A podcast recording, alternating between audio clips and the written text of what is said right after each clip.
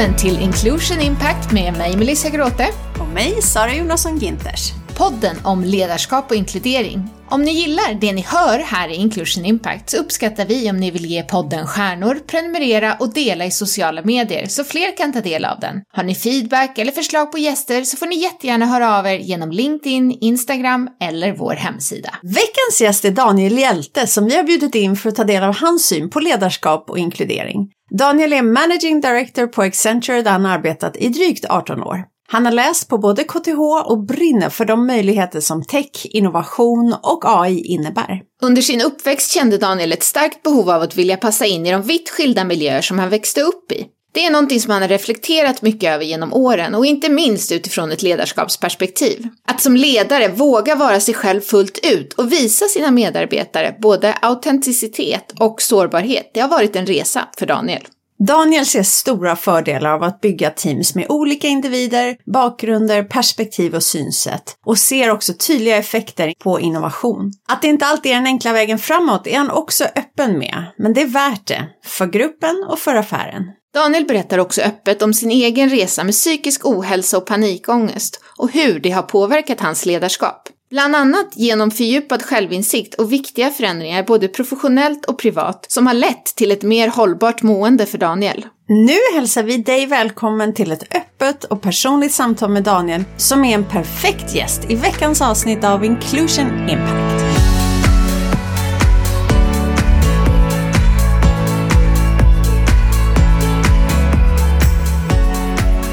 Välkommen till Inclusion Impact Daniel! Tack så jättemycket. Hur, hur känns det? Hur är det att vara här? Oh, det är många känslor. Det är, det är pirrigt, lite nervöst men också jätteroligt. Vi pratade lite om det innan. Jag tror det är någonting med det här att liksom träffas på riktigt nu och jobba bort den här sociala fobin man har arbetat upp under två år. Så det, äh, det ska bli superkul. Jättekul att du är här och kul att vi är här mm. hos dig. Skulle du kunna börja med att berätta lite om din bakgrund och eh, vad det är du gör idag för någonting? Ja men absolut. Uppvuxen i en förort där, söder om Stockholm. Som halvtuff eh, uppväxt skulle jag säga mellanstadiet, högstadiet, liksom ett ganska kraftigt behov av att så här, vilja passa in med de coola killarna. Så det var delvis ganska stökigt. Sen av en slump så hamnade jag, eller via en syokonsulents eh, hjälp, hamnade jag i en helt annan miljö på Östermalm och Östra Real. Vilket liksom skakade om den världen totalt, så det blev en helt ny omgivning. Också lite det här, ny miljö, vilja passa in. Efter det jobbade jag i en eh, pressbyrå i ett år och pluggade upp mina betyg som var ganska dåliga efter gymnasiet. Sen hamnade jag på KTH. Och det var nog första gången jag kände så att ah, men här, här kan jag bara vara mig själv på något sätt. Jag pluggade där och parallellt på universitetet. Det var en ganska trixig period där på arbetsmarknaden i början av 2000-talet. Jag gick ut 2003. Träffade Accenture av en slump på en mässa men kände att det fanns någon typ av liksom, koppling. Och Eh, de tyckte att jag inte var en helt tokig kandidat så eh, jag fick anställning. Lite samma, samma känsla där, jag kommer ihåg den dagen jättemycket. Jag började med en grupp 12 personer och kände liksom igen den här känslan att vilka jävla människor liksom. Kommer jag fixa det här? Kommer jag passa in? Så det har varit en, en jäkla resa och nu då 18 år senare så eh, jag är kvar, jag passar in. Men det, det, det, är något element där som jag tror har format mig som både människa och, och ledare att eh, själv känna att jag kan vara mig själv och passa in. Och sen liksom överförandet nu att säkerställa att andra eh, kan göra det. Så jag tror det, det är någon typ av tema. Ja, men det är jag. Bor, eh, bor i Stockholm, bor i Bromma, fyra små barn. Eh, mellan två och elva år. Så det är en del av livet också. Det här med att passa in, när du sa att det var första gången du kände att du passade in på KTH. Vad, vad var det som hände där? Hade det hänt någonting inom dig själv eller var det mera miljön eller? Ja, men det är en jättebra fråga. Jag, jag tror att det var, jag tror att jag hittade ett gäng av personer eller kompisar där jag kände att man inte behövde vara någon annan eller spela någon typ av roll för att liksom vara del i den normen som, som fanns. Det var, tror jag var rätt, var rätt befriande. Så jag tror att den perioden lärde mig väldigt mycket kring liksom att, ja, men så här, vad, var dig själv och liksom maxa de egenskaperna du har. Istället för att försöka passa in i någon annan typ av mall eh, som är det man ska vara. Oavsett om det är den coola förortskillen eller den här eh, stekiga snubben på, på, på Östermalm. Så det, det, det var nog en känsla av att, ja men fan vad skönt, jag kan vara mig själv och det, det funkar liksom. Alltså det var, jag tror en rätt viktig tid för mig. Vad ger dig mest energi på jobbet? Ja, men jag, jag tror att det är, det är när man hittar de här liksom, tillfällena av flow på något sätt. Alltså det, när man är med ett gäng människor, kollegor och man bara liksom, man är inne och liksom helt närvarande i någonting. Och liksom det, de tillfällena tycker jag man, man, man kommer åt ibland när man känner att liksom alla är samlade kring samma grej. Liksom inga tankar är någon annanstans. Och man känner bara att det är liksom, man ger andra energi och man, man, man får tillbaka det och det bara blir en liksom positiv spiral. Så det försöker jag komma åt så mycket som möjligt att skapa den typen av miljöer. Men det är heller inte enkelt, liksom. i synnerhet inte liksom, de här senaste åren med mer virtuellt arbete. Men den typen av tillfällen ger mig jättemycket energi och det är nästan viktigare, det är såklart att man vill jobba med coola saker. Men det, jag tycker så här, miljön och känslan trumfar det. Jag som hade tänkt att ställa frågan vad som var veckans höjdpunkt, men du kanske redan har svarat på ja, den. Nej, men det, jag, jag, jag, tror det är nog, det, det, känns nästan som att det är nu på något sätt. För det, det är som, ja, men givet, givet det vi pratar om, liksom en ganska bra känsla, en massa roliga möten, träffar er för första gången, vi känner inte varandra, så en här spänning i det, alltså var, var ska den här diskussionen ta vidare, vi har några andra jättespännande grejer som händer idag, så det Ja men såklart, liksom, det går alltid upp och ner. Men just nu känns det som, det känns rätt bra. Härligt. Har du något sånt här intresse, något du inte har lärt dig än i livet eller någonting du skulle vilja förkovra dig i eller något bubblande? Ja, det har ja, du. Ja, men det har jag. Det är så här, jag, jag, jag, har, jag börjat nosa på det i varje fall. Jag är superintresserad av hjärnan, vårt mänskliga universum någonstans. Så det, här, för, förstå liksom, vad, vad får oss, eller liksom, också rätt egoistiskt, så här, vad, vad, får, vad får mig att må bra? Vad får andra att må bra? Och det känns som att det är så jäkla liksom, otrampad terräng. Jag har en jäkla, liksom, jag har en rätt stark passion både för liksom, ny teknologi och AI och liksom, hur det kommer förändra vår totala verklighet. Samtidigt är jag superintresserad och rätt engagerad i så här, hur ska vi som biologiska människor mår, mår bra och liksom maximera våra bra dagar. De två ämnena, det är en rätt intressant dynamik eh, mellan dem. Liksom, är de konflikterande eller är de liksom möjliggörande till varandra. Så det tycker jag är superspännande och vi lever i en sån galen tid där det tycker jag verkligen sätts på sin spets. Både såklart i jobbet men också liksom den verklighet man ser att ens barn växer upp i. Vilket heller inte är okomplext liksom. Så det, ja men där finns det någonting som jag tror att jag kommer engagera mig i jättemycket mer framåt. Spännande. Du eh, blev faktiskt ju nominerad av ett par olika personer att eh, de tyckte du att vi skulle bjuda in dig som gäst i podden när vi efterlyste inkluderande ledare inom, inom tech. Varför tror du att eh, de tycker att du är det? Först blir man ju jätteglad. jag känner att jag rodnar lite. Vill nästan veta vilka, vilka det är också. men det, jag tror att jag är nog rätt autentisk i, i mitt ledarskap. Alltså jag är mig själv. Nu vi pratade lite om det tidigare och passa in, men jag tror att det, det jag har kommit till, till någon typ av mognad att det som, får, det som fungerar för mig är att bara vara som jag är eh, och inte försöka passa in i någon norm. Och det har varit, liksom, det har varit en resa på det här bolaget också. I synnerhet när jag började här, eller 2003. Liksom, det fanns en mall hur man är liksom, strategikonsult. Men jag märkte att det är någonting annat som fungerar för mig. Och sen när det också visade, liksom, ge resultat, då kände jag att jag kunde vara det. Så jag tror det, det är en dimension. Jag tror att också det finns liksom en, en, en dimension att liksom inspirera och motivera personer. Som är, tror jag, en av mina styrkor. Och vara väldigt prestigelös. Jag är nog liksom väldigt lätt accessad för vem som helst. Vilket också tror jag har hjälpt mig att liksom hitta några av de här relationerna man kanske inte hade gjort annars. Så, så jag tror att det, det är väl några egenskaper om man ska boosta sig själv lite grann. Det är kanske också någonting man ska bli bättre på, men det tror jag. Det tycker vi också, det brukar vi ju. Vi, tycker, vi vill ju boosta våra gäster och, och det fantastiska arbete som ni gör, verkligen.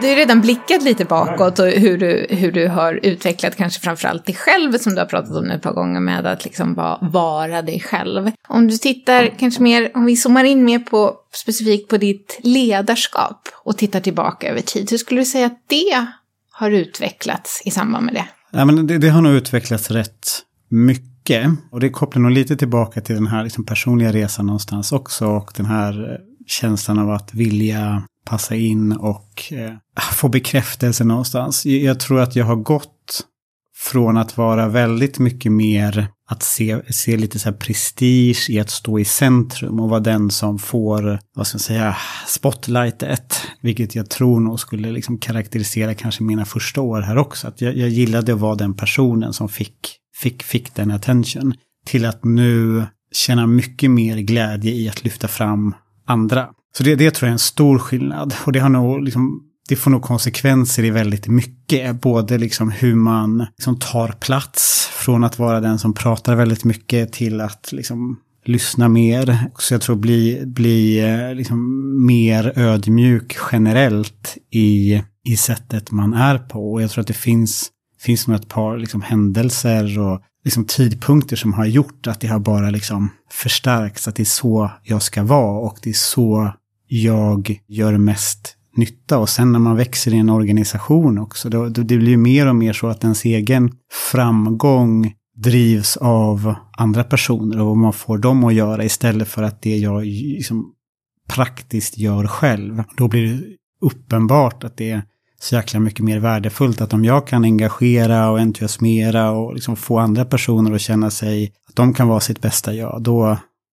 då är det min framgångsformel också någonstans. Har du någon händelse du skulle kunna dela med dig av? Berätta. Ja, men absolut. Jag tror den, den händelsen som var superjobbig och jag tror den som har stannat med mig, det kommer nog alltid vara en del av mitt liv. Det, det var, vad var det, fredag den 13 var det. det var i maj 2016 och det, det är någonting som, som skakade om mig jättemycket då, som nu är någonting positivt, men det var superjobbigt. Vi hade haft en så avtackning med en kollega i Malmö, jättesent på kvällen, man hade sovit för lite, flög upp till Stockholm, skulle ha ett kundmöte, ja men fredag morgon på kontoret. Ett ämne som jag behärskade jättebra, ingen nervositet, känner personerna. Jag känner nästan att jag får upp liksom pulsen lite nu när jag pratar om det. Men så kanske 5-10 minuter in i mötet så känner jag att någonting händer med min kropp. Eh, jag börjar, liksom, hjärtat börjar banka, jag känner att jag börjar svettas, jag kan inte tänka. Jag hade aldrig känt den här känslan förut. Och det var, det var sjukt obehagligt. Jag trodde att jag hade få, liksom, höll på att få en hjärtattack. Men det liksom, gick, liksom dämpade sig, men jag kände att jag, jag, behöver, jag, jag, kan inte samla mina tankar. Liksom. Vilket var en så extremt läskig situation. Så jag kommer ihåg att jag gick ut ur det här rummet och satt mig på toaletten några minuter, tog ett glas vatten och sen la, liksom, det försvann ganska snabbt. Liksom. Hoppade in i det här mötet igen och liksom fortsatte. Och tänkte inte så mycket mer på det då. Sen någon vecka senare fick jag den här liksom, känslan igen. Inte lika starkt, men så här, då, då kände jag att det, det är någonting nu som är fel. Liksom. Så jag gick då, eh, gick till Sofiehemmet eh, och liksom träffade en läkare. Och det är också något så här, tror jag, tillfälle som jag aldrig glömmer. För jag är helt säker på att det, det är någonting fysiskt som det är fel. Liksom, kan det vara uh, någonting med hjärnan eller liksom med kroppen? Alltså, så här, va, va, va, liksom, säg till mig, är, är det något blodvärde som är fel? Liksom? Och ja, man tar ju prover och allting, och liksom, allt var bra och hon tittade med ögonen och sa Daniel, vad, vad, vad tror du själv att det här kan vara? Och det, det sätter något finger på hur liksom osynkad jag var med mig själv då. Och det var en vård. Och så jag sa, men fan, det skulle kunna vara pollenallergi. Hon tittade mig med en ganska skarp blick och bara, nej, du har fått en panikångestattack. Ja. Och då var det så här bara, det, det är inte jag. Sådana grejer händer inte mig. Um, och, och som, den perioden var det läskigaste, men det bästa som har hänt. För liksom, det var en så läskig situation, för den här första känslan är så här, shit, är det jag? Har det här verkligen hänt? Eh, om det här nu är jag, liksom, vad, vad kommer hända med mig? Kommer jag fortsätta kunna jobba? Kommer jag göra de här grejerna? Liksom, vad, vad, vad, vad fan är det som händer? Liksom? Och sen fick jag, nej, men efter det, man får hjälp och liksom träffade en liksom, KBT liksom, terapeut, Maria heter hon, kommer inte glömma henne heller. Och också så här, det blev också lite ett uppvaknande för hon, först, liksom vårt första samtal så ställde hon några frågor till mig. Så här, kan, du, kan du känna så här ibland? Kan du känna så här? Och det var liksom en perfekt diagnosering av vem jag är. Så det, det blev en jättelärorik resa för mig. Hur liksom jag ställer om hela mitt sätt liksom att vara för att må bra. För någonstans var det så, som den, så kan jag känna ibland också. Man, man är alltid, liksom, man gör roliga saker, man är alltid på. Man är, man är alltid på i sitt huvud. Liksom. Hur skapar du miljöer för dig själv där du faktiskt har möjligheten att också vara av? Eller vad jag ska kalla det. Liksom. Så det, det, har ställt om min dagsrutin jättemycket. Alltså hur jag jobbar, hur man tränar, hur man sover. Jag började meditera på morgonen och liksom springa. Alltså det, det, det, det är som, jag önskar bara att någon hade gett mig den här verktygslådan så mycket tidigare. Så det, det blev början på en, jag ska säga, ny personlig resa för mig. Men sen tror jag också någonting som har hjälpt mig jättemycket i mitt ledarskap och också liksom den här organisationens ledarskap. För det, som sagt, supertuff resa. Jag var sjukskriven på halvtid några veckor i efterhand, alldeles för lite. Liksom. Men det vet man ju inte liksom, när man är där själv. Men sen ja, kom jag ändå liksom relativt snabbt tillbaka och något år senare så, för det här var ändå liksom sex sju år sedan, det var inte samma öppenhet kring sådana här saker i organisationen. Så jag tror något typ av så defining moment var att jag valde ändå att ställa mig på en scen framför alla våra tusen medarbetare och berätta om det här. Vilket blev en eh, ganska tror jag, radikal dörröppnare för att folk skulle våga prata om känslor som de flesta av oss känner eh, till och från. Så det skapade nog ett väldigt mycket, ett väldigt mycket mer inkluderande, en inkluderande miljö för att liksom våga och prata om de här sakerna. Och sen dess, liksom, det har hänt så jäkla mycket. Allt ifrån att vi har nu interna program till det här, till att vi nu hjälper våra kunder med de här frågorna, till att vi driver innovationsprogram, hur ny teknologi som AI faktiskt kan hjälpa till vårt mentala välmående. Och jag håller jättemånga grejer av dem. Så liksom det har ju det har blivit en så jäkla positiv spin-off av det. Men som sagt, när man sitter där själv, så jäkla läskigt. Hur har det, den här upplevelsen påverkat ditt ledarskap? Har det gjort det på något sätt? Jag tror att det påverkat mig på många sätt. Jag upplever att jag tror efter den här händelsen hade jag nog en ökad förståelse för andra personers liksom bara varande och, och känslor. Det var nog ärligt talat mer svårrelaterat innan. Så ur ett perspektiv kan man tycka att det är, är ganska sekt. Att man ska behöva liksom känna den här känslan själv för att kunna se den i andra. Men på ett sätt också rätt värdefullt. För jag tror att när, när man har varit där själv, då vet man också... Man, man kan, jag upplever att jag kan snappa upp den här känslan mycket tidigare än, än, tidigare om det är någon annan som inte mår bra. Och jag vet också hur det känns att vara där. Och när man väl är där, då är det lätt att se, liksom, inte se att det går att komma ut det och veta att det ändå gör det. Så jag tror att jag har, jag har nog hjälpt ganska många personer, både här men också helt andra miljöer och kunder, att ge liksom, hopp och stöd och coaching att det kommer lösa sig liksom, när, när det är tufft. Du sa tidigare att det här att du önskar att du hade haft verktygslådan innan och att du hade haft en förståelse för det innan. Och sen så nu är det mer, man pratar mer öppet om ja, psykisk ohälsa som det här tillhör. Ledarens roll i det, alltså vad är dina bästa råd och tips till andra för att hjälpa till eller att se ja. eller uppmärksamma? Jag tror att liksom skapa en så pass inkluderande miljö så att man kan prata om det. Och jag tycker också proaktivt prata om att liksom, det, det är en utmaning som är rätt vanlig och liksom, om det sker så, så liksom, finns det ingen, liksom, ingen prestige i det. Jag upplever att liksom, organisationer som har de här väldigt fasta mallarna av vad en framgångsrik medarbetare är, liksom den perfekta konsulten eller den perfekta ekonomen eller den perfekta marknadsföringen, där, där blir det ju svårare.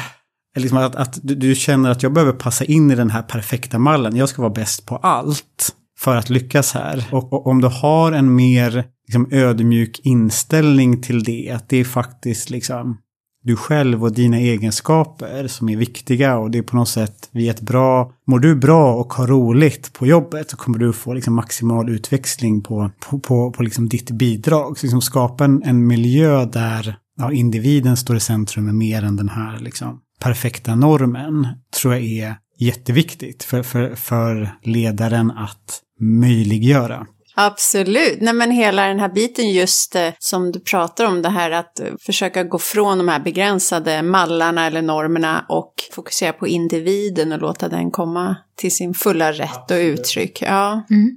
För att hoppa vidare lite och ändra tema lite, men vad är den finaste eller mest uppskattade feedbacken som du har fått från någon kollega eller chef eller medarbetare? Ja, men jättebra fråga. Det, den den feedbacken som har fastnat, lite kopplat till det vi pratade om, det var faktiskt eh, liksom kopplat med ja, den här händelsen och att jag var liksom väldigt öppen med, med min resa och lärdomarna från det. Det var det en kollega som kom till mig och tackade mig för det.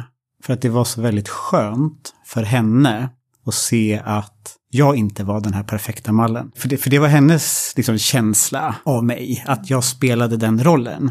Och när hon såg det här så blev det väldigt skönt för henne att se att men, alla, alla brottas med sina grejer. Och, och, så, så jag tror att det, det är nog ett sånt tillfälle som absolut har fastnat med mig. Jag tänkte faktiskt på det också nyss just. Var, var det inte ett väldigt stort steg för dig att berätta om det så öppet med tanke på ja, men det här du har burit mer än då att vilja passa in eller liksom vara den där perfekta kanske ledaren eller konsulten eller, eller hade du kommit då ändå så långt i din karriär att du kände att det är inte lika riskabelt längre? Ja, men jag, jag kände nog både och liksom. För det, det fanns nog en liksom, nervositet i mig där också. Att så här, skadar jag på något sätt liksom mitt varumärke eller min position om jag berättar att jag är inom situationstecken också svag. Liksom. Samtidigt så kände jag, så det fick mig nog ändå med att veta att det steget var rätt. För jag, jag pratade ändå med ganska många kollegor om det här one-on-one. On one. Jag kände liksom i de situationerna att det var sånt jäkla starkt gehör och att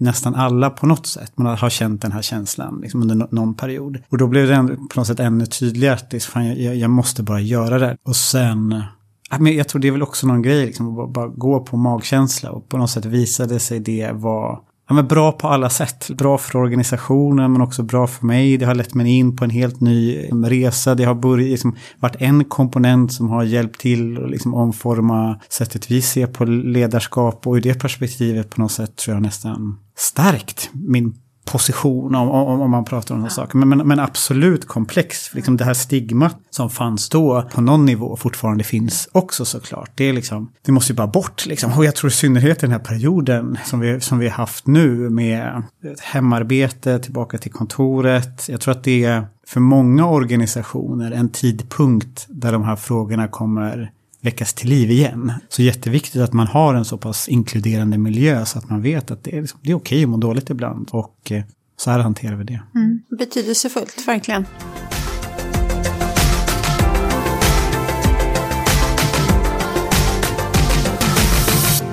Nu har vi kommit till våra tre snabba frågor med tre snabba svar.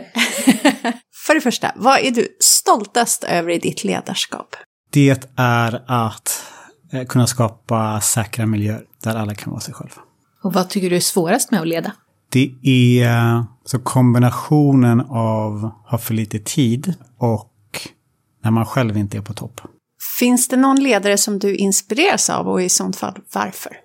Jag kan relatera, även om det känns potentiellt långsökt, men Elon Musk känner jag att så här, vi, har, vi har något typ av band aldrig träffat honom eller någonting. Men Spännande. Ja, men det, det, det är något, den här kombinationen att, att vara liksom så här, han är en förebild för mig. Så här, visionär, tekniskt, bryr sig om världen och mänskligheten. Samtidigt med det här som vi pratade om, liksom, inte helt okomplex människa heller. Liksom. Så det, det finns någonting i den dynamiken som jag tycker är så väldigt relaterbar. Spännande. Får vi fixa någon slags connection då till Abs honom? Absolut.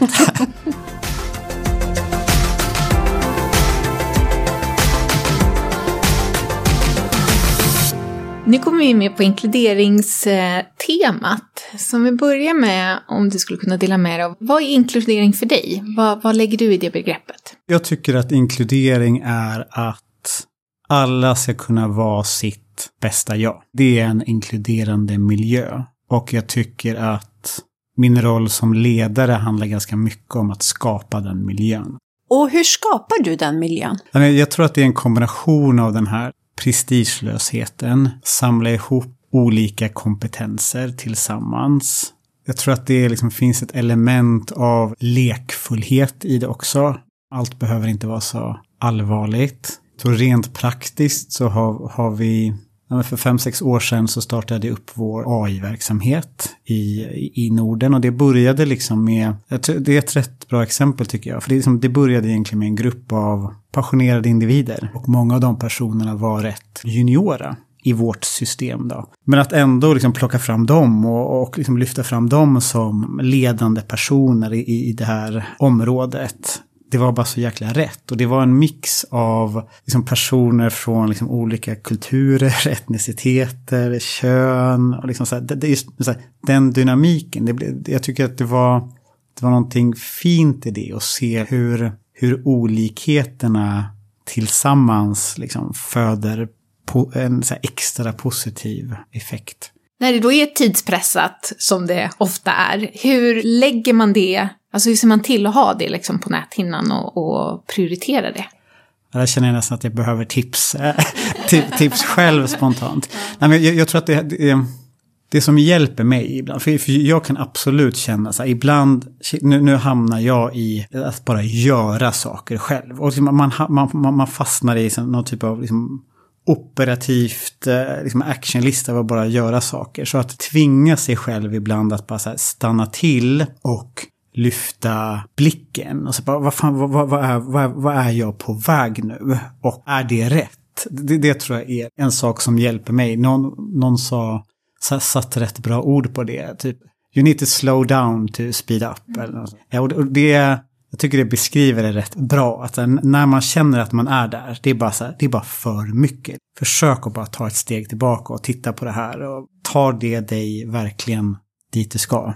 Hur får man ut det bästa av varje individ och varje medarbetare så att de kan bli sitt bästa jag? Hur, hur gör man det? Jag, jag, tror på en säker, en säker miljö, en bra dialog, både med individer men också i grupp kring så här, vad är liksom, vad är respektive persons superkraft? Kontra vad, vad gillar man inte att göra eller vad tycker man är obehagligt? Liksom att ha den typen av diskussioner tidigt tror jag ger två saker. Det skapar också, tror jag, en, en minskad oro att ja, men fan, jag kommer kunna ut, få utväxling på mina liksom, bra egenskaper så, så, mycket som möjligt. Och man får en känsla för liksom, hur, hur maxar vi allas olika egenskaper på något sätt tillsammans för att göra någonting som är jäkla cool. Och också på något sätt, jag gillar den här tanken att liksom, great minds do not think alike. En del säger ju det, det motsatta. men, men, att ha det som någon typ av mantra, att komma in med olika perspektiv och det är okej okay, och trycktesta varandras och tillsammans eh, utvärdera. Jag, jag, tror mycket mer på det som, en, eh, som ett medel för att liksom komma fram och vara kreativ och driva innovation och sen resultat, än att bara sitta med likasinnade.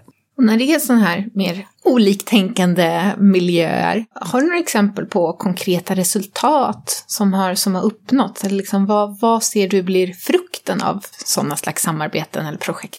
Jag tycker den här AI-resan vi har gjort har varit ett bra, det är ett bra exempel där en diversifierad grupp med olika perspektiv på något sätt får alla att växa och tänka större och se perspektiv som man kanske inte gjorde från början. Och på något sätt blir det en per default en bättre total tanke och, och, output. Så jag tror att det hjälpte oss jättemycket i början av den resan. Att vi hade alla de här olika perspektiven när vi kom in. Och det, det hjälpte oss nog rätt mycket att också ta en position på marknaden inom det här, det, det här området. Så det, det, tycker jag är ett rätt bra exempel. Sen läste jag faktiskt en ganska intressant researchstudie från eh, vad heter de, Harvard Business Review som pratade om hur inkludering egentligen driver innovation och driver värde. Men det var rätt intressant, för det, det var just det här liksom, kring så här, tvådimensionell inkludering. De separerade i den studien, slarvigt uttryckt, medfödda skillnader och skillnader som du har eh, ja, utbildning och saker du har byggt på dig. Och när du har den kombinationen, då blir det lite extra magi helt enkelt. Jag tror att det var liksom någonting i den mixen som vi faktiskt kom åt där. Det är en sak att bygga då en grupp med den mixen och så. Är det just då, för inkluderingen blir ju då den här miljön som, som ni bygger då i den gruppen. Men har du upplevt några utmaningar kopplat till det? För att det här med att våga utmana varandra och ifrågasätta, det kan ju vara väldigt svårt för individer. Absolut.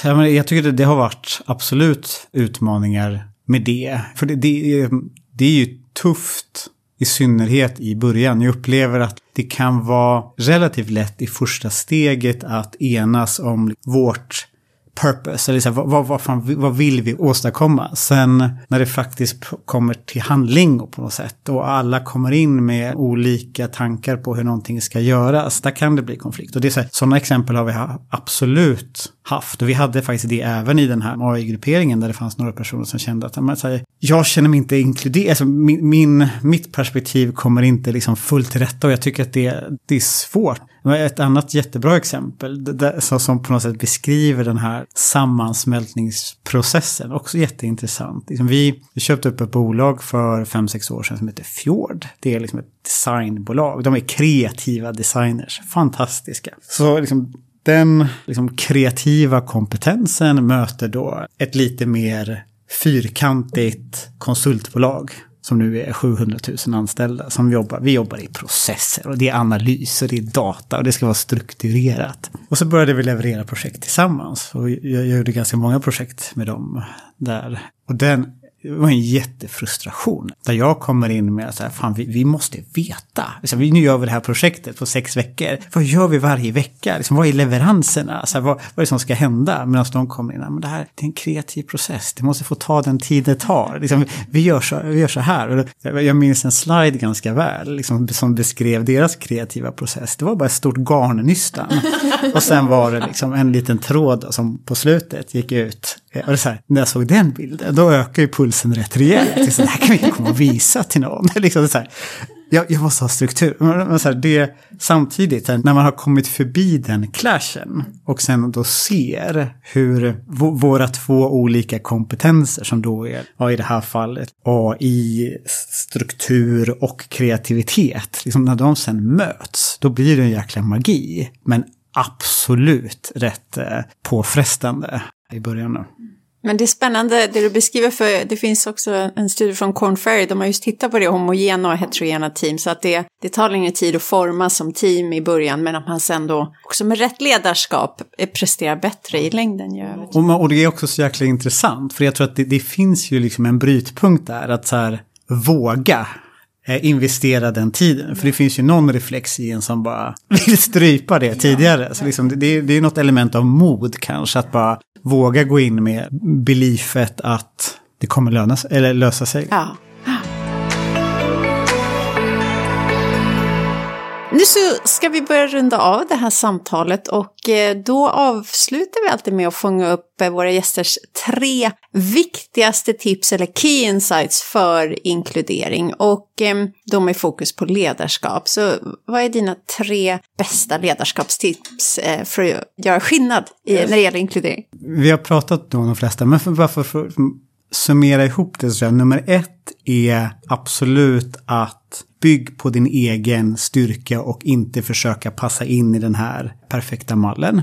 Nummer två skulle vara att verkligen här, ta tillfällen att stanna upp och reflektera kring vad du faktiskt gör, i synnerhet när man känner att det bara det är för mycket. Och det tredje, i synnerhet om det känns obekvämt, är nästan att så här, tvinga sig själv att söka upp olikheter. Och om, om jag ska lägga till ett fjärde då, så bara, var snäll. Jag tycker så här, fan, det, det, är någonting med liksom, att, att tro det bästa om folk och bara vara snäll som jag tycker folk kan bli bättre på. Ja, fint! ja, ett fantastiskt sådant. Vad skulle du vilja skicka med till våra lyssnare som vardagstips att de skulle kunna göra för att bli mer inkluderande i sin vardag redan idag? Yes. Ah, men okej, om jag skulle skicka tre tips som jag skulle be alla testa på, låt oss säga imorgon då. Så ett, prova att meditera.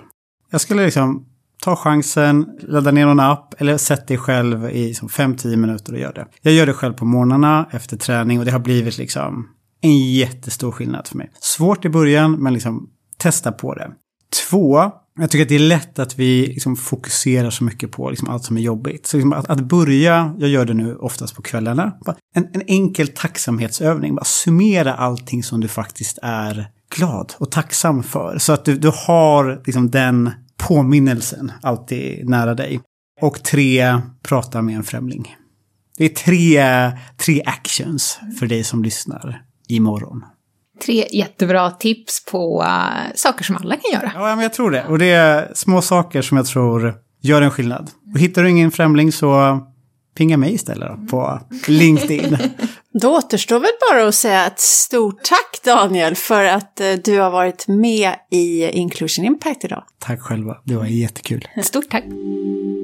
Så spännande med Daniels spaning om det här med att great minds don't think alike, eller hur Melissa? Ja, det är ju faktiskt eh, tvärtom vad man eh, brukar säga. Exakt. Men, men det är heller inte alltid så lätt att um, vara i grupper med olika individer och massa olika åsikter och viljor. Eller att för den delen då leda sådana team som ju Daniel berättade om. Och jag minns ett team jag var chef för som eh, just bestod av väldigt olika personer, personligheter, olika nationaliteter, viljor, bakgrunder, åldrar och eh, samtidigt så var alla väldigt kompetenta och duktiga inom, eh, inom det, det vi gjorde. Så tillsammans blev vi ett väldigt bra team. Men det tog definitivt mer tid att som chef och ledare leda det teamet. Jag fick ta mig mer tid att eh, spendera på att lära känna alla mer på ett individuellt plan och hitta liksom gemensamma drivkrafter framåt. Så en hel del diskussioner men, eh, men mycket bättre beslut och riktigt bra resultat också blev det. Mm. Ett annat tips som jag skulle vilja skicka med där, det är när man jobbar med, med mer mångfaldsrika grupper, se till att fokusera på sakfrågan. För det är så lätt att svepas med att det blir personligt, speciellt när man tycker och tänker att det finns flera olikheter i teamet. Men att då vara extra medveten på sina omedvetna fördomar och omedvetna preferenser och vara lite mer kritiskt inställd gentemot dig själv. Håller jag med den här personen i vad den säger i den här frågan och den här diskussionen? Eller är det att vi är lite mer tjenis med varandra, vi gillar att käka på samma restauranger och båda tränar paddel? Eller är det så att den här personen som tar upp en viss sak och har en åsikt är någon som jag vanligtvis inte drar jämt med? Lyssnar jag verkligen på vad den säger i den här, i den här sakfrågan? Ja, självinsikt där, viktig nyckel. Mm, precis, en viktig nyckel som både du och jag brukar återkomma till, men också våra gäster när det gäller inkluderande ja. ledarskap. Mm. Så är det. Mm. Tack för att du har lyssnat på veckans avsnitt med vår gäst Daniel Hjälte och mig, Sara Jonasson Ginters. Och mig, Melissa Grotter.